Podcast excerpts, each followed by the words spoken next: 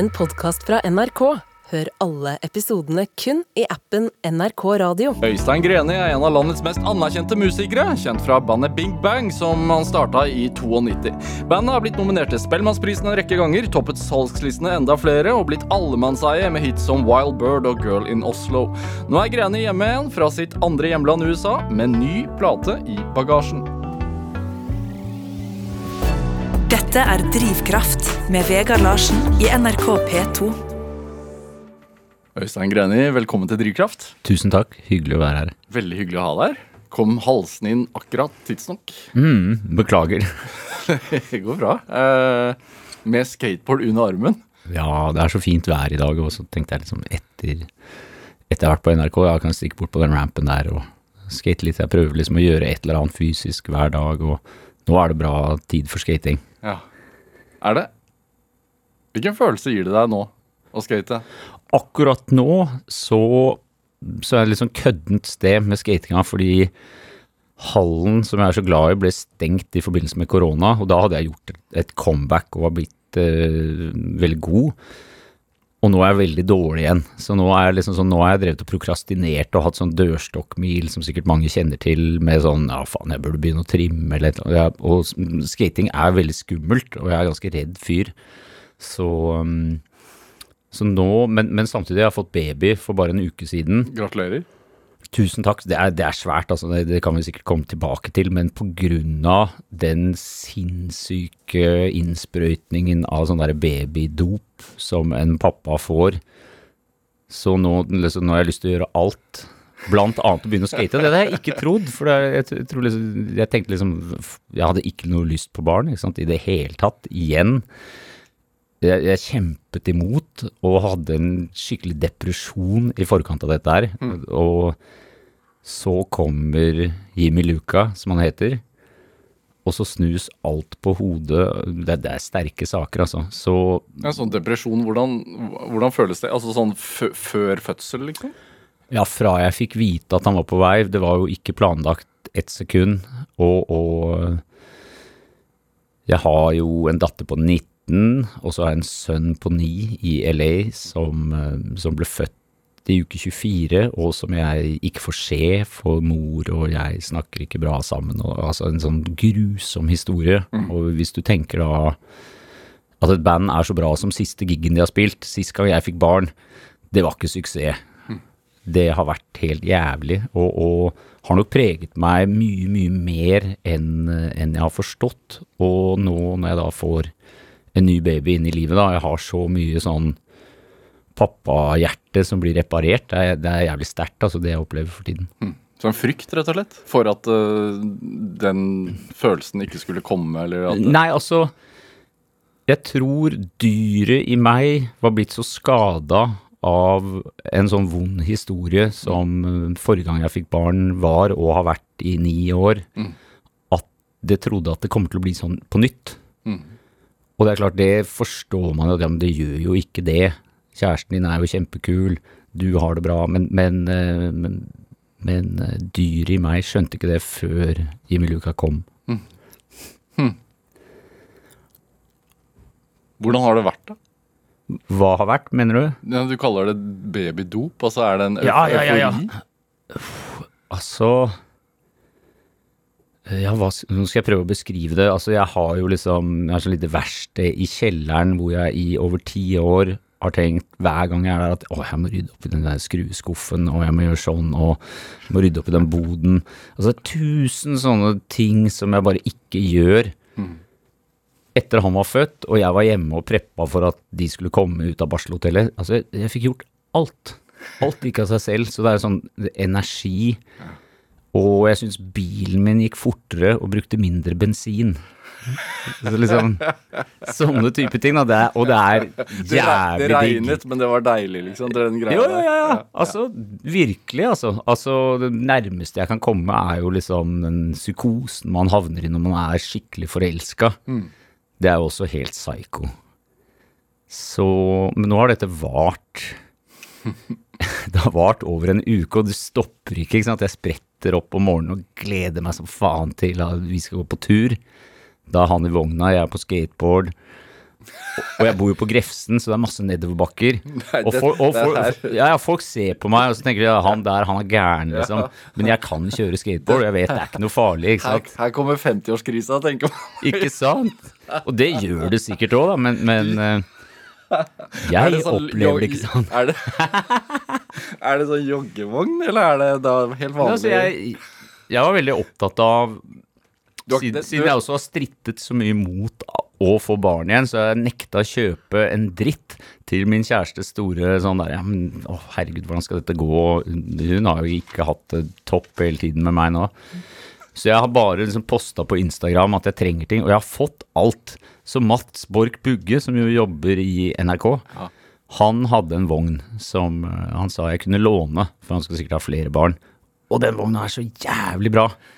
Den jeg hadde med hjula for 19 år siden, var sånn billig med små plasthjul og hundre og rista oppi der. Den kunne jeg ikke ha skata med, da. Hvordan er det å leve med deg? Leve med meg? Nei, det tror jeg er forferdelig. Hvorfor det? Nei, jeg, altså Du må nesten spørre noen andre. Uh, men jeg tror for sånne, sånn partnere Der har jeg ikke noe god historikk. Altså sånn Maria var jeg sammen med i mange år, moren til Julia. Vi hadde ikke så bra. Jeg tror jeg var altså Hun var vanskelig, men jeg var kanskje enda mer vanskelig. Men jeg tror Julia, datteren min som har levd mest med meg, hun har bodd med meg 100% de siste seks årene. Hun har i hvert fall likt det frem til nå. Men hun syns det er bare Hva faen har du gjort, pappa? Hun skal ha en fuckings baby! Passer ikke inn Bla, bla, bla.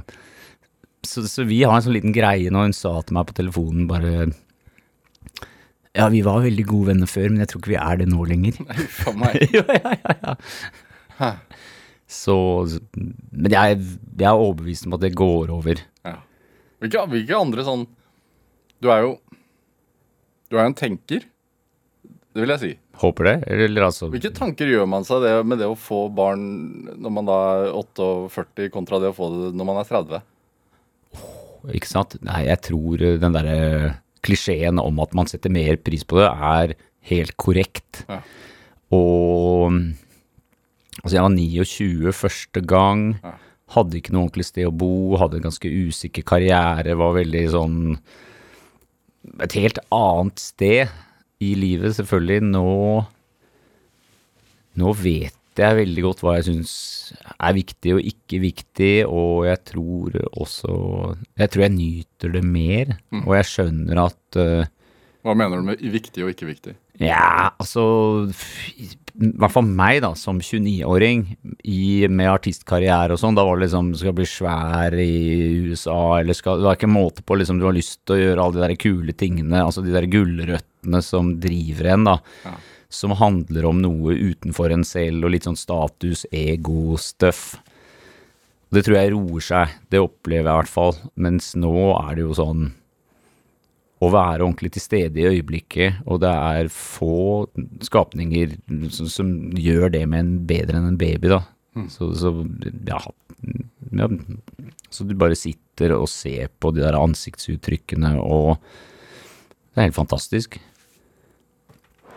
Dette er Drivkraft med Vegard Larsen i NRK P2.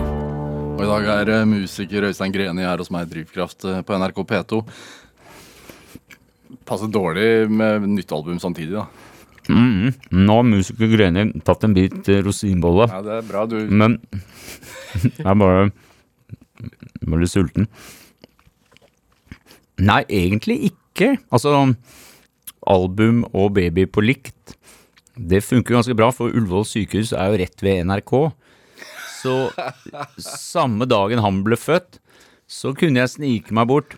Og dette er, gøy, dette er ganske gøy, fordi at hvor ofte er det man er helt avslappet med å ikke sovet på tre døgn og ha masse menneskeblod på genseren og gjøre intervju? ja.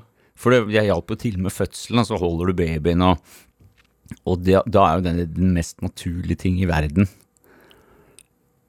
Man er- nå ser man på man- nå ser på meg med sånn rart fjes. Man, man er i hvert fall ikke redd for å gå etter radiostudio etterpå. Nei, nei, nei.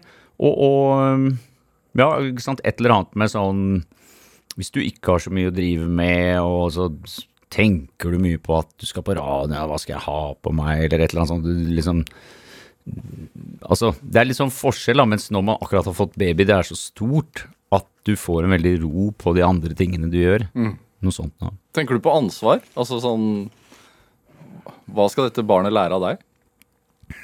Nei, det tenker jeg ikke så mye på. Altså, jeg tenker bare, som med alt annet, at jeg skal gjøre mitt beste.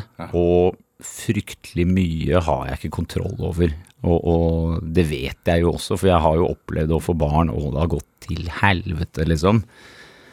Og så vondt som det gjør, så er det også befriende, for jeg merker jo nå at jeg er ekstremt trygg og ekstremt lite bekymret. For jeg har sett hvordan det er når et barn på en måte virkelig har problemer, da, og vært veldig mye rundt det, og det er jo når man er i den situasjonen, så er man bare praktisk orientert. Det er ikke noe, du, du driver ikke og tenker noe sånn 'å, stakkars', og sånn. Du bare tenker 'ok, ja, skal vi si, vi trenger en sånn pumpe', ja, vi trenger Ja, vi må Altså, du går inn i en sånn veldig praktisk måte å være på, som jeg tror mange mennesker som ikke har opplevd så mye drøyt, de går rundt og er fryktelig redde for ting som kanskje kan skje, og, og det ser jeg på som kanskje det største problemet for folk i den vestlige verden, at de går rundt og er redde for ting som ikke fins. Bekymringer Hvordan har du det i forhold til det? Jeg har vært mye bekymret, og så, ja, på grunn av Leon og den, hele den der eh, vaskemaskinen jeg har vært i der, så har det forsvunnet i veldig stor grad, faktisk. Så det er, det er en veldig bra ting å oppleve noe tøft. Hva har det øh, Du sa at de ni siste årene så har du altså, ikke vært i en depresjon, men at det har vært sånn tungsinn over deg pga. det. Er det Altså, jeg tror ikke det har vært tungsinn. Det har det ikke vært, men, men eh, for, for eh, Altså, jeg tror de fleste mennesker som har litt sånn tøffe liv, de er ikke så hypp på å høre på sånn sutrete menn med skjegg som synger triste låter. De er hypp på, når det er musikk, de er hypp på litt fest. De er hypp altså man, når man har det tøft, så tror jeg man, man blir ganske god til å løfte seg selv opp og gjøre kule ting. Du er ikke så hypp på å sitte og snakke om det som er vanskelig, så, så jeg har kutta ut veldig mye venner fordi det er mange folk som sitter og prater om det vanskelige. Det gidder jeg ikke mer. Jeg er hypp på å gjøre morsomme ting, bruke tiden min liksom Ok, nå spiller vi, nå kjører vi skateboard, nå løper vi en tur, nå går vi på ski. Og sånne ting har på en måte Det har vært veldig viktig for meg for å funke.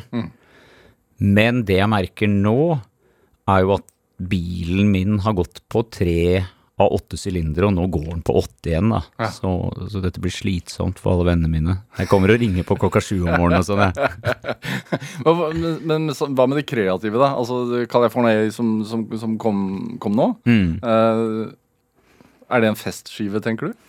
Det er både og. Altså Det er jo definitivt mye sånn trist, eller hva skal man si, ikke trist, men jeg snakker jo om uh, sønnen min som jeg er fryktelig lei meg for jeg ikke får se, blant annet i den låta som heter Dogtown Boys, hvor jeg da Jeg kjører jo skateboard, han bor i Venice, som er det stedet skating skjedde. Han har langt, lyst hår, det har jeg òg. Det er jo en sånn look som alle de der Venice eh, Seaboys-skaterne hadde, ikke sant? På 70-tallet? På 70-tallet og 80-tallet, og, og det er klart, jeg har jo utallige ganger drømt om ah, kan ikke vi bare stikke og skate, liksom. Og når jeg er i LA, så er jeg jo ofte i Venice også, liksom Hender jo Altså, jeg tenker liksom Er han der? Er han der? Hvor er han? Ja, Så, så det er jo såre ting da, som gjør vondt, ikke sant? Men, men, men selve rytmikken og hva skulle du si? Danse og gråte på samme tid. Det, det er jeg veldig fan av. ja. ja, for du får ikke se han. Jeg gjør ikke det. Hører man det i den teksten? Nei, jeg tror ikke det. Jeg tror ikke det. Altså, jeg, jeg prøver jo alltid å skrive låter sånn at de er ganske åpne. Jeg liker ikke å forklare noe. Altså, det, det er litt som å vise frem noe, og så få folk på en måte hente frem det som passer for dem. Det er det Altså, jeg skriver det sånn at det passer for meg, men det er, jeg, jeg syns det er veldig viktig å ikke peke noen fingre og ikke være noe sentimental, liksom. Det, det håper jeg ikke jeg er. Jeg prøver i hvert fall ikke på det. Skal vi høre? Mm.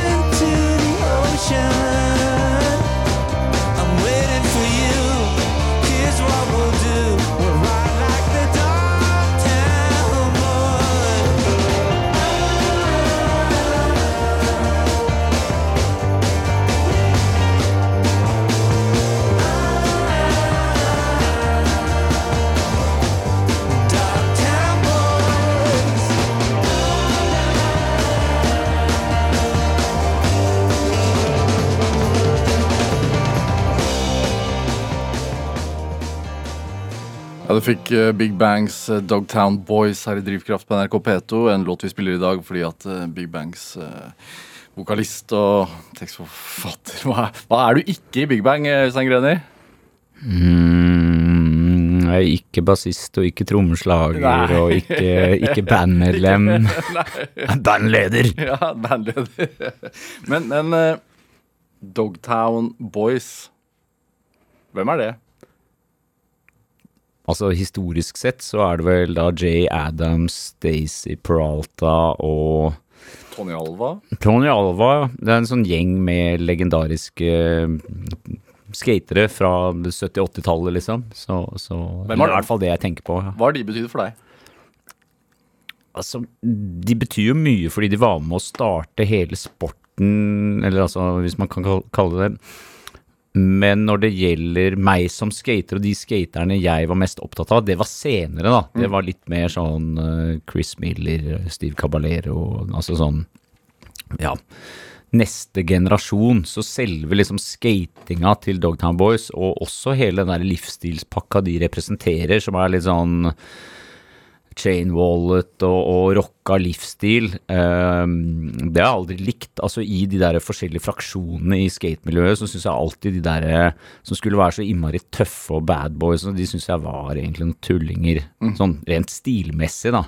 Jeg likte mye mer de kreative skaterne. Mark Gonzales, Neil Blender, Chris Miller, altså de folka der. Ja, Som sto på skuldrene til disse her, da.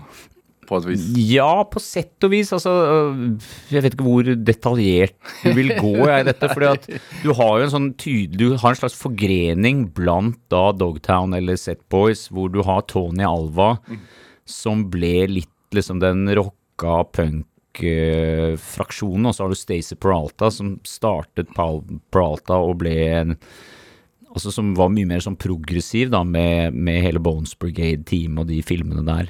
Så det blir kanskje litt internt. Når oppdaga du skating, da? Så jeg så Back to the Future med mormor på Saga kino i når den var i 83 eller et eller annet sånt, og, og jeg kunne spille gitar allerede. Og så var det bare sånn Jeg må ha skateboard. Jeg, jeg ble helt gæren som å se en sånn treårig gutt se en gravemaskin og begynne å riste i hele kroppen. Sånn var det. Ja. Og så mm, var jeg og besøkte tante Vilma som bodde i København. Der kunne jeg kjøpe et lite plastskateboard. Og det gjorde jeg, og så begynte jeg å kjøre rundt eh, i, mm, på Bislett, rundt i gaten der hvor jeg bodde sammen med Torgeir, bestekompisen min, som hadde kjøpt brett i Svinesund. Og mm, ja, da var det i gang. Ja. Hvem var du da? Hvem jeg var da? Ja, var lille Øystein fra Bislett som gikk på Boltløkka skole.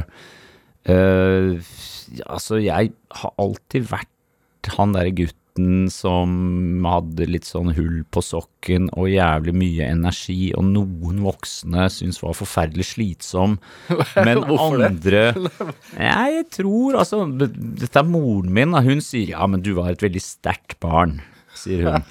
Og noen andre voksne ville sikkert sagt bare at liksom, nei, han der, han har ikke lært seg å sitte stille, liksom. Eller For jeg var vant til å få lov å prate Ja. under middagen, og, og, og jeg kasta meg ut i ting og, og, og mm, var veldig Veldig optimistisk. Jeg husker jeg sa en gang eh, Faren min er fra Lillestrøm, og besteforeldrene mine der var vel liksom under middag, så plutselig sier jeg, når jeg var kanskje seks år, Kåre Willoch er dum! Og min familie var veldig sånn arbeiderpartifolk, da, særlig i Lillestrøm, og da ble bestefaren min veldig sånn Nei! Vet Det kunne man ikke si, og ble veldig sur og gikk fra bordet, og det var masse sånne ting. Jeg vet ikke om det var noe spennende, men det, det kom jeg på nå. Men hvordan var det hjemme hos dere ellers? Altså, det Arbeiderpartiet, ja, men faren din er jo som musiker. eh, Mm. Øh, var jo moren din. Hun var, hun var hjemmeværende frem til Altså, når var det hun begynte å studere i mm, Altså, hun var jo innmari ung, ikke sant. Fikk jo Hun ble gravid med søsteren min da hun var bare 17. Faren min spilte i band, var 21. Så, så jeg hadde veldig, veldig unge foreldre, da. Så hun tok juss etter eh, jeg var ferdig på barneskolen eller et eller annet sånt noe. Så, men hun var hjemmeværende. Og, og, og hva slags sted var Bislett på altså slutten av 70-tallet, starten av 80-tallet? Ja, altså det, det var eh, det var faktisk eh, Selve Bislett og en del steder rundt der var mer sånn som Grønland var kanskje, altså Gamlebyen og Grønland er vel de eneste bydelene folk husker fra Oslo sentrum som var litt sånn slumaktig, men det var deler av Bislett med do ute i bakgården, og det var ganske røft. Ja. Så Hadde dere det? vi hadde ikke det. Nei. Nei, nei, vi hadde, bodde veldig bra, vil jeg si. Ja. Så um, først i Ullevålsveien, så i Bragveien. Og antar at det var et musikkfylt hjem, da. Ja, ja, ja. Altså Faren min spilte jo et band som het Undertaker Circus når jeg ble født, og fikk også et sånt hobbyband, Slagerkameraten, etter hvert. Så det var mye, mye musikk, og de pleide å øve koringer hjemme hos oss. Så det var liksom Jeg opplevde veldig mye å se voksne folk, da, eller fattern og kompisene hans, eh, synge og spille, og liksom hele den der gleden, da. Så, så jeg føler at du nå sikter deg litt sånn inn på noe sånn drivkraftstøff. Og jeg føler at veldig mye av drivkraften som jeg har, kommer fra å bli tatt med på bandøvelser med faren min. Det Hvordan husker jeg veldig godt. Kjelleren til Stein Gudmundsen på Lørenskog husker jeg veldig godt. Og da kom du ned trappa, eller kanskje moren til Stein Gudmundsen sitt hus, eller et eller annet sånt. Og der sto Marshall-forsterkeren til onkel Frank Myrseth, som er den tøffeste mannen jeg vet om i verden. Tøffeste komgitaristen. Han hadde rød jazzmaster, kult skjegg, bra bukser, matchende røde sånne semska Beatles-støvler, og det rocka han på øving. Og så husker jeg, og han smilte, altså, han fikk sånn derre rød Sånn rosinbolleaktig kinn, for han fikk så kick av Han spilte jævlig høyt da på den der Marshallen, som pekte da rett inn på trommisen. Frode, som var kanskje enda kulere, men han var litt sånn «Øh, Frank, du skru ned litt, da. Og Frank bare aha, ok, ok, ok. Men altså, den greia som var blant Undertaker Circus, hvordan de prata mellom låtene når de spilte, og de var svingte som bare faen. Jeg er da fem år og sitter på en sånn liten kasse og bare følger med og ser på alt det her, men sånn var ikke andre mannfolk. Det var ingen andre mennesker som hadde den gløden. Så jeg skjønte bare at Altså, jeg, jeg tror ikke jeg reflekterte noe over det der først de senere år, at, at jeg bare plukket opp liksom her, her er det lidenskap. Ja. Dette her er mening. Og jeg mener, de folka her har rikere liv enn noen. Du får det ikke bedre Nei. enn når du lager sånn lyd med folk du er veldig glad i. Altså, du så også, også lynnet til faren din forandret seg fra middagsbordet hjemme til han var på øvingslokalet. Nei, men han, altså faren min uh, er faktisk stort sett uh, sånn hele tiden. Ja. Altså, det, det er en veldig spesiell ting. Men han er sånn som bare stråler glede nesten til enhver tid, da. I hvert fall når det er andre mennesker rundt. Mm. Jeg tror han er ganske redd for å være alene, men um, han sørger jo for at det er folk rundt hele tiden. Når tok du opp din første, da? Gitar? Det var på hytta i Rondane den sommeren jeg ble sju. Ja. Så Da, da begynte faren min å vise meg litt. Altså Det fins bilder av meg når jeg er liksom tre-fire år, og fatter'n hadde kjøpt en Telecaster, og jeg sitter og liksom spiller litt. Men jeg begynte ikke å spille ordentlig før den sommeren. Da, da lærte faren meg uh, bebop lula Hva er hemmeligheten med å Altså bak det å få en gitar i armene Fordi første gang man gjør det, så er det jo umulig. Altså Mm. Til å faktisk ville det og øve mer og få en glede ut av det. Altså, jeg tror eh, faren min er en god pedagog, altså. Og det har jeg sett med andre og mye bedre enn meg. For jeg har ikke vært så flink til å lære bort og Men han har en eller annen sånn derre Er veldig god til å vise barn noe veldig enkelt. Med en sånn fantastisk entusiasme som smitter, da. Så, så det har veldig mye med saken å gjøre. Han sørget jo liksom for at det ble bra nesten med en gang. Så, så veldig heldig sånn. Mm. Så tidlig liksom en følelse av mestring, da. Mm. Hvor viktig er det? Og jeg tror mestringsfølelse er kanskje, kanskje det er det aller viktigste. Hvor langt kan du gå for å oppnå den følelsen? Jeg tror lenger enn de fleste. jeg, jeg, det er jo noe av det som driver meg mest, ikke sant, hele tiden, og det er litt kult med å bli eldre òg, for jeg kjenner at ting jeg har vært for utålmodig med før, sånn som trommeteknikk, som i seg selv er ganske boring, det er ikke noe særlig musikalitet i det. Så det gadd jeg aldri før, mens nå er det sånn, nå putter jeg inn noen timer i uka på det å bare sitte og liksom lære opp hendene, håndhukommelse, det samme litt sånn med piano, mandolin og sånne andre instrumenter jeg driver med, og og nei, altså, jeg er jo en sånn fyr som elsker å gå slakk oppover på langrenn. Og det har jeg ikke alltid vært, men det har jeg blitt.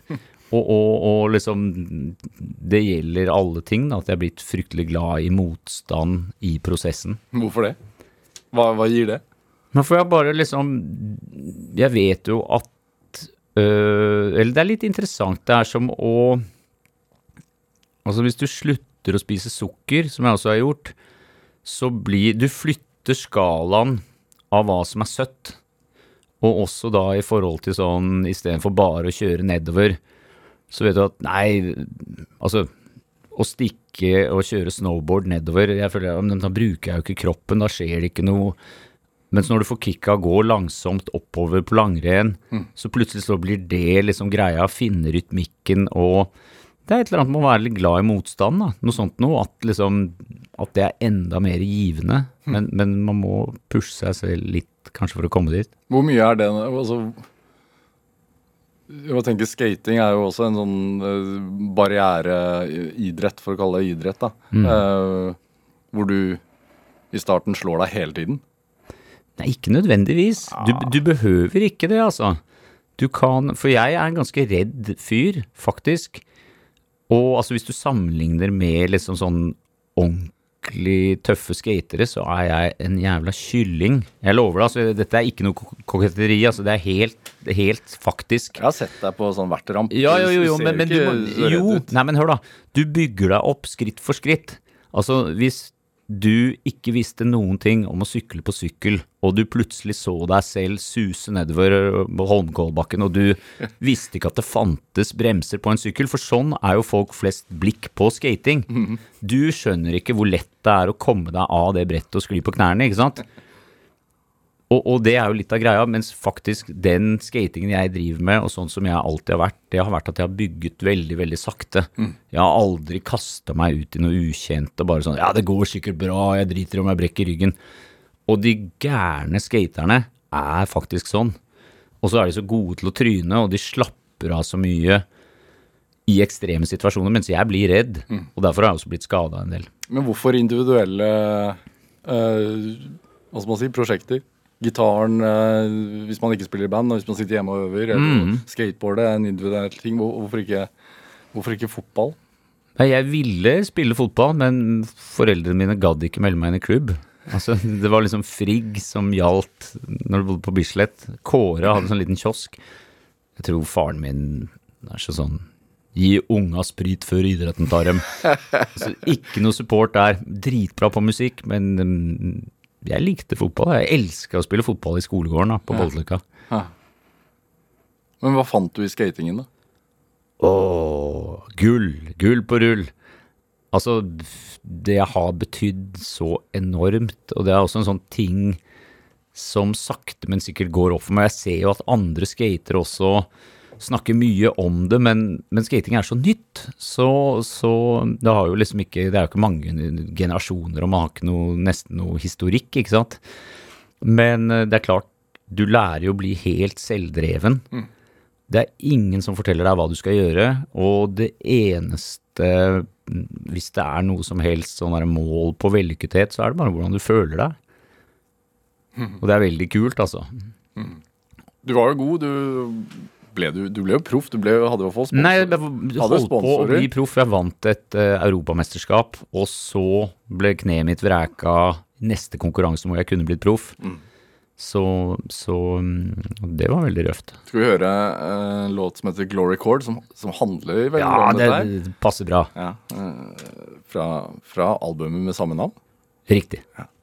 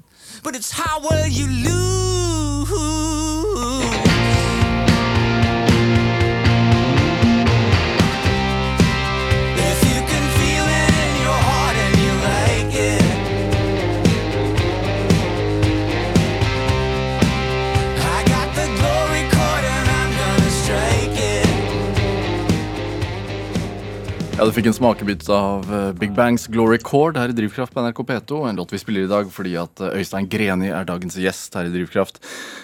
Eh, Jakten på Altså finne det du elsker, handler jo egentlig den låten om.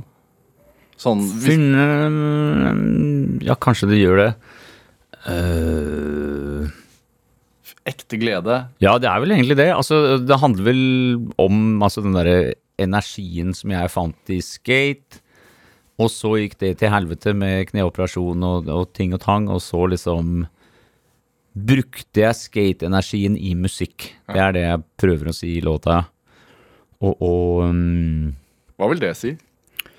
Jo, jeg tror I hvert fall Jeg tror måten jeg driver med musikk på, er Jeg var så vant til å skate seks timer hver dag og gjøre det på den der selvdrevne måten og, og Så jeg var hypp på å øve seks timer hver dag. Jeg, så det ble litt sånn det samme, men så skjønte jeg at veldig mange som driver med musikk, i hvert fall sånn i Oslo rock-miljøet da, de sitter mye på bar og drikker øl og prater og, og sånn, mens um, det kan ikke jeg, altså. Så, så jeg var veldig sånn utafor i, i forhold til det, samtidig som sånn rent musikalsk så hadde vi jo mange, mange band vi var litt sånn i slekt med og hadde god stemning med, da. Hvorfor kan du ikke det?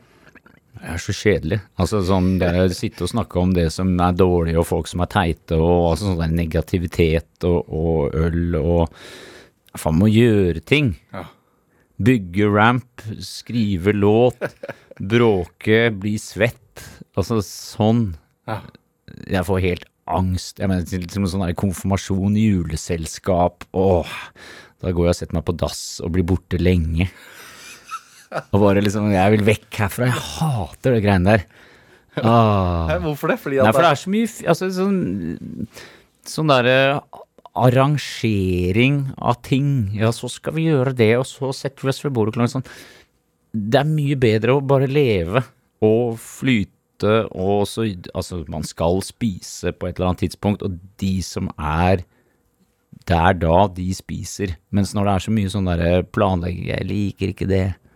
Hvor, hvor er den største gleden i det å, å, å spille i band eller å, spille, å lage musikk? Er det eh, når låten blir til? Er det i øvingslokalet? Ja, er det på det scenen? Hvor er det? Det, det er mange forskjellige Det er veldig mange forskjellige øyeblikk som jeg har lyst til å trekke frem, hvor gleden kommer.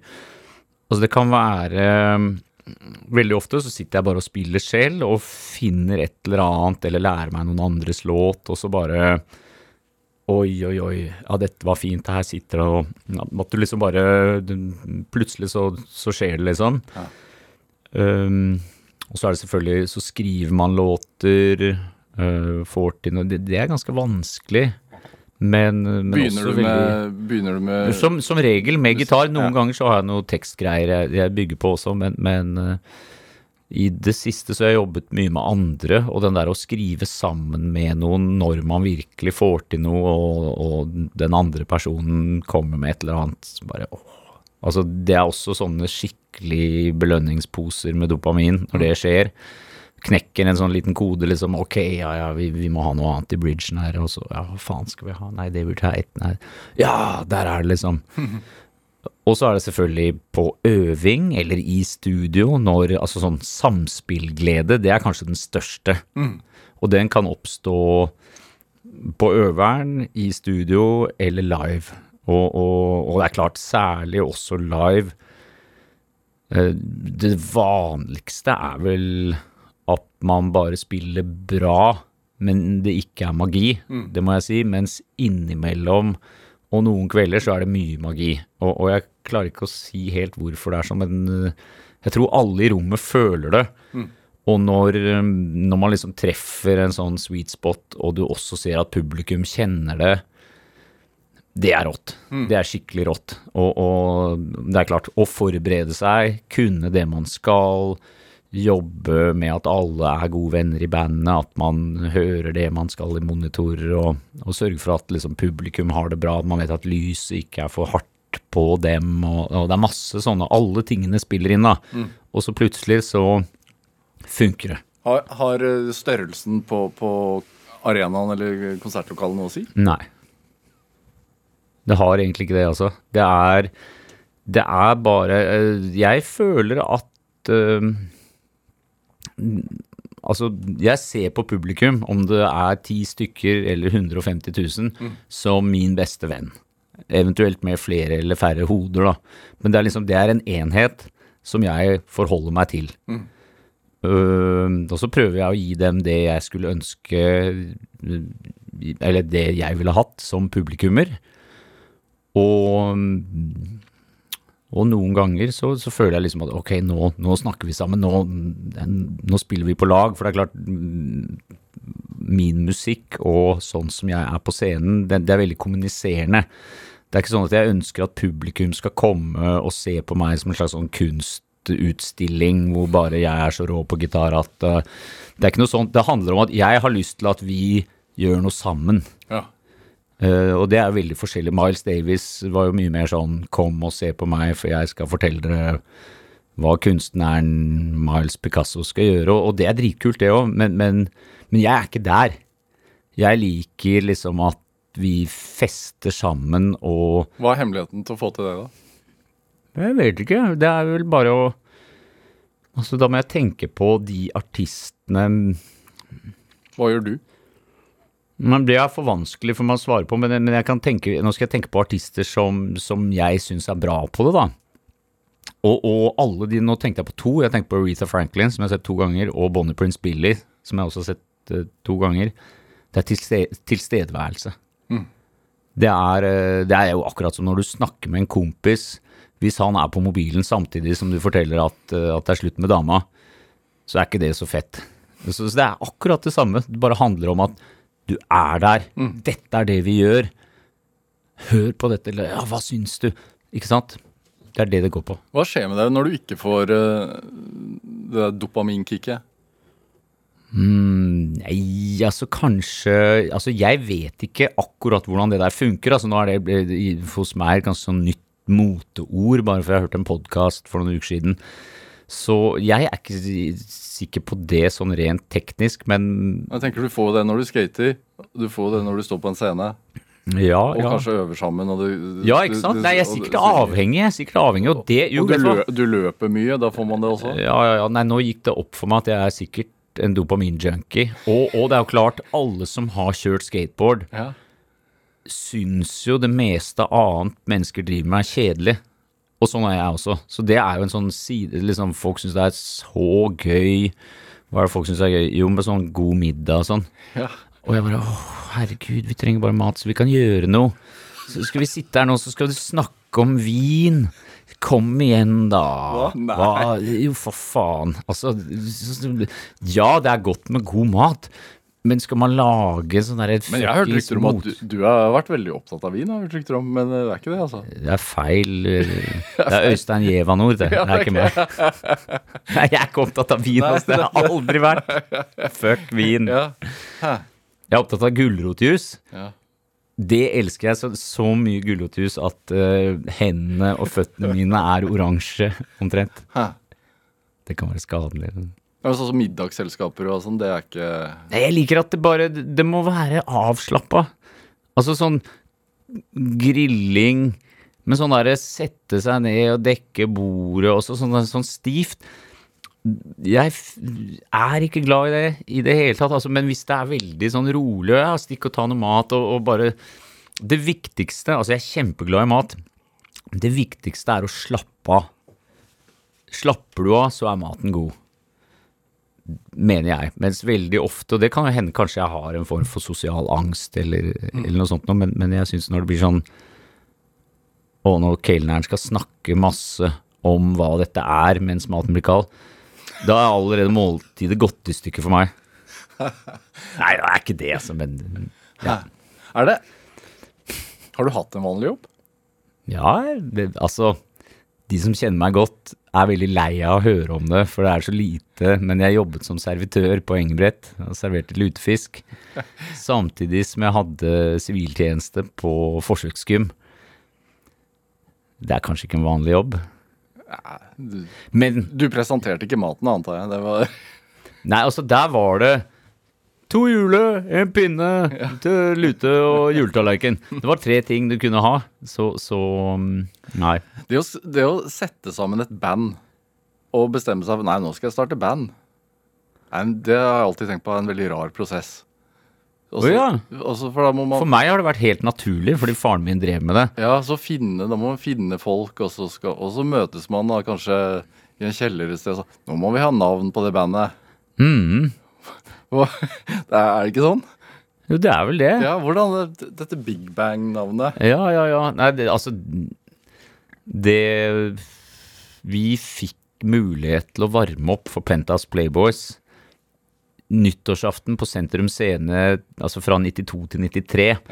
Og det var egentlig veldig bra. Det var sånn Ok, nå har vi noe å jobbe frem mot, så vi øvde hver eneste dag i romjula. Christer, Erik og meg.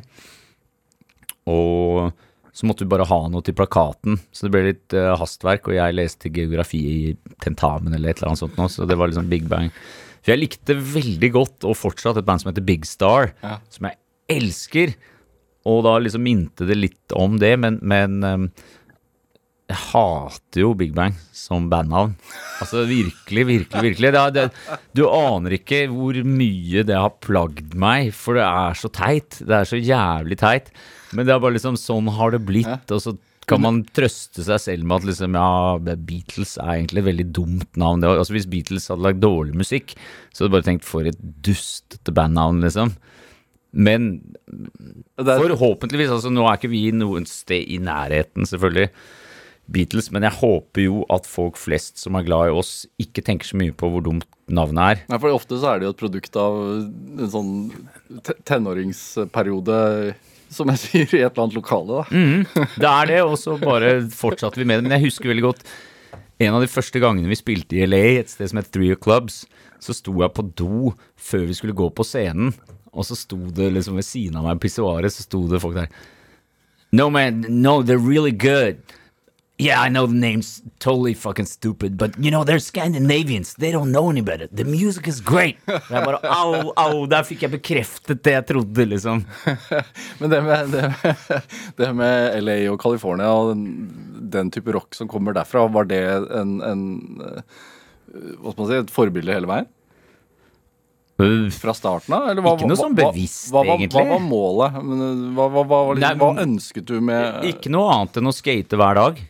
Så, så når vi begynte med bandet, så Ja, det var kjæresten min som sa liksom Skal dere ikke lage plate, skal dere ikke spille konsert? Jeg var helt uinteressert. Jeg var bare hypp på å øve, jeg. Ja. For det er jo sånn som skater, du er jo ikke noe sånn opptatt av konkurranse eller altså, sånne ting. Det driter man i. OL som kommer nå? Bare tull. Så, så Eller altså, i hvert fall sånn var det, og, og for de aller fleste, da, men, men sånn er det jo egentlig Altså, nå, nå er det jo blitt sånn at uh, jeg tjener penger på dette, her, og det er jobben min, så, så det er klart jeg tenker på det. Ser du på det som det? Nei, nei, nei, nei, nei. Altså, jeg kan jo bruke det i en eventuell krangel med, med kjæresten min, liksom sånn om tidsbruk og sånn, så kan jeg ja, jeg må på jobben.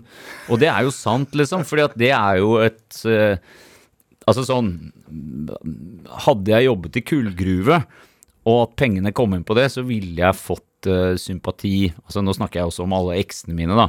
For det er jo mange som syns liksom ja, skal du stikke og spille gitar og ikke holde den skrikende babyen? Jeg må på jobben, ellers har vi ikke noe å spise. Og det er sant, men det føles litt som, som å være Homer Simpson også. Ja. Hvordan men, men når det i utgangspunktet bare var en, en eh, hobbyting, og så blir det suksess, da. Mm. Hva skjer da? Ikke sant? Det er den der filmen, det Donnie Brasco-filmen, hvor um, Og det har jeg ofte tenkt på, at plutselig så, så får du liksom et helt nytt miljø. Du får plateselskap og managere og, og musikkpressen og sånn. Og disse, alle disse folka her forholder seg jo til musikk på en helt dustete måte, på, syns jeg. Hvordan da? Hva er Nei, der er det sånn derre Å ja, toppe VG-lista og Spellemannsprisen Man snakker om sånne ting som Som jeg egentlig- hadde i min intro? Ja, ja, selvfølgelig. Alle har det. Men, men det er bare blitt en sånn derre fordi vi er så late i huet vårt. Men det er jo aldri det det handler om, egentlig. Det er aldri det det handler om. Og, og Hva handler det om, da? det handler bare om å Det handler om å lage ting. Og det handler om å møte folk og bare ha det gøy, egentlig. Uh, og det var et eller annet jeg skulle si, men nå falt jeg litt ut av det. Jo, hvordan Altså Donnie Brasco-linken, da. For at jeg føler jo at liksom Jeg er jo en skater som driver med musikk, og så kom vi i gang med musikken. Og så plutselig mer og mer, fordi Norge er som det er. Og jeg fikk med Olaf og Nico, som er sånne retrobønder fra Drammensområdet. Så plutselig, så, så istedenfor at jeg hadde da på en måte skate, god smak, vennegjengen min men jeg har jo mye sånn classic rock, blues og sånne ting i meg, og som jeg elsker. Men så ble vi liksom Plutselig så ble det masse sånne gitarsoloer. Plutselig så ble Jeg hata Lady Zeppelin når jeg var skatekid på 17 år. Og vennen min Bjørnar og, og kompisen hans som hadde sånn langt hår og olajakke, og jeg tenkte bare Jævla losere, liksom. Og så plutselig så er jeg blitt fienden. Jeg er blitt han med langt hår og gitarsoloer. Og, og det, er, det er jo sånn som skjer i Donnie Brasco. Han blir mafios. Og, og mm, disse tingene skjer. Eh, Jeg vet ikke om jeg forklarer noe som helst jeg nå, men, men jeg bare forteller om noe som er. Men det, det å, sk- å skrive og lage en hit eh, i forhold til det å, å kjenne på glede, da. Ja, man, altså Sånn som Wildbird, for eksempel. ja den liker jeg. Som er en av deres største hiter. Mm. Eh, kjenner man det? Og man kjenner det når man lager låta. Ja. Nja, jeg husker veldig godt at jeg hadde laget en demo og hadde riffet. Låta var ikke helt ferdig. Den må ha vært i 97 eller noe sånt, for jeg hadde akkurat fått mobiltelefon. Så husker jeg liksom midt på natta så ringer jeg Joakim, da, kompisen min. Bare «Ja, 'Jeg tror jeg har laget noe som er veldig bra'. og jeg hadde sånn kjempe Ja, alle ganger jeg har laget noe som har blitt en slags hit, så har, eh, har jeg fått den følelsen når jeg har lagd det. Så, så det føler jeg er ganske rettferdig, egentlig, hvordan det funker. Er du, kan man temme deg? Hvordan mener du med Ja, så sånn I forhold til teksten på låten? Temme? Ja, som en Å så... oh, ja, sånn. Eh, Jeg vet da søren, jeg. jeg det må du nesten spørre noen andre om, tror jeg. Ja. Skateboard når man triller barnevogn, jeg vet ikke. Nei, det er ikke godt å si. Wild bird flying, sing a song I can't capture. Now make it up to you somehow.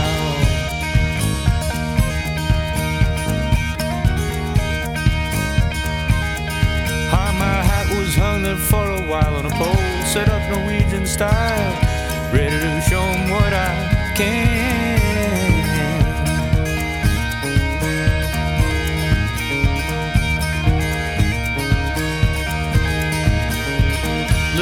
Came flying by, and its northern flames light up the sky.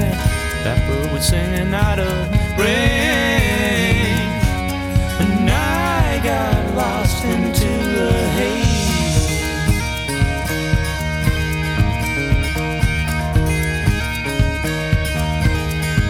He couldn't pick me up, so I took him down to be the center of my crown, and I thought it'd make the change.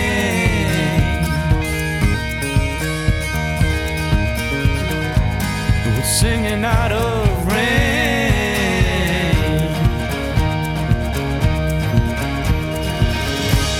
Wild bird flying, sing a song I can capture. Now make it up to you. Ja, Du fikk en smakebit av Big Bangs Wild Bird eh, her i Drivkraft på NRK P2. En låt vi spiller i dag fordi at Øystein Greni er dagens gjest her i Drivkraft. Jeg har stjålet den, sa du. Det var i 1998 hvor s- Big Bang hadde spilt inn Electric Soundbook. Ingen ville ha det. eh, bandet ble oppløst. Det var egentlig slutt på hele greia. Helge Vestby i Grappa syns vi hadde noe, men han sa det trenger en hit. Han ga oss studiotid i Oslo Lydstudio nede på Karl Johan. Vi går inn. Jeg hadde skrevet Girl in Oslo og Wildbird til den session. Tekniker i studio, Børge Finstad, som vi hadde jobbet med før, han var da blitt litt sånn storkar, og han var ganske kjip, egentlig, og han syntes denne låta her ikke var noe bra. Og så sa han også at nei, dette her skal ikke gis ut, dette skal jeg ikke ha navnet mitt på. Og jeg var helt sånn, jeg kjempet for livet, altså. Og han kasta meg altså ut av studio for å jobbe med liksom en annen låt. og sånn sånn. Da møtte jeg Mohammed Zaidali på gata, en veldig bra skater.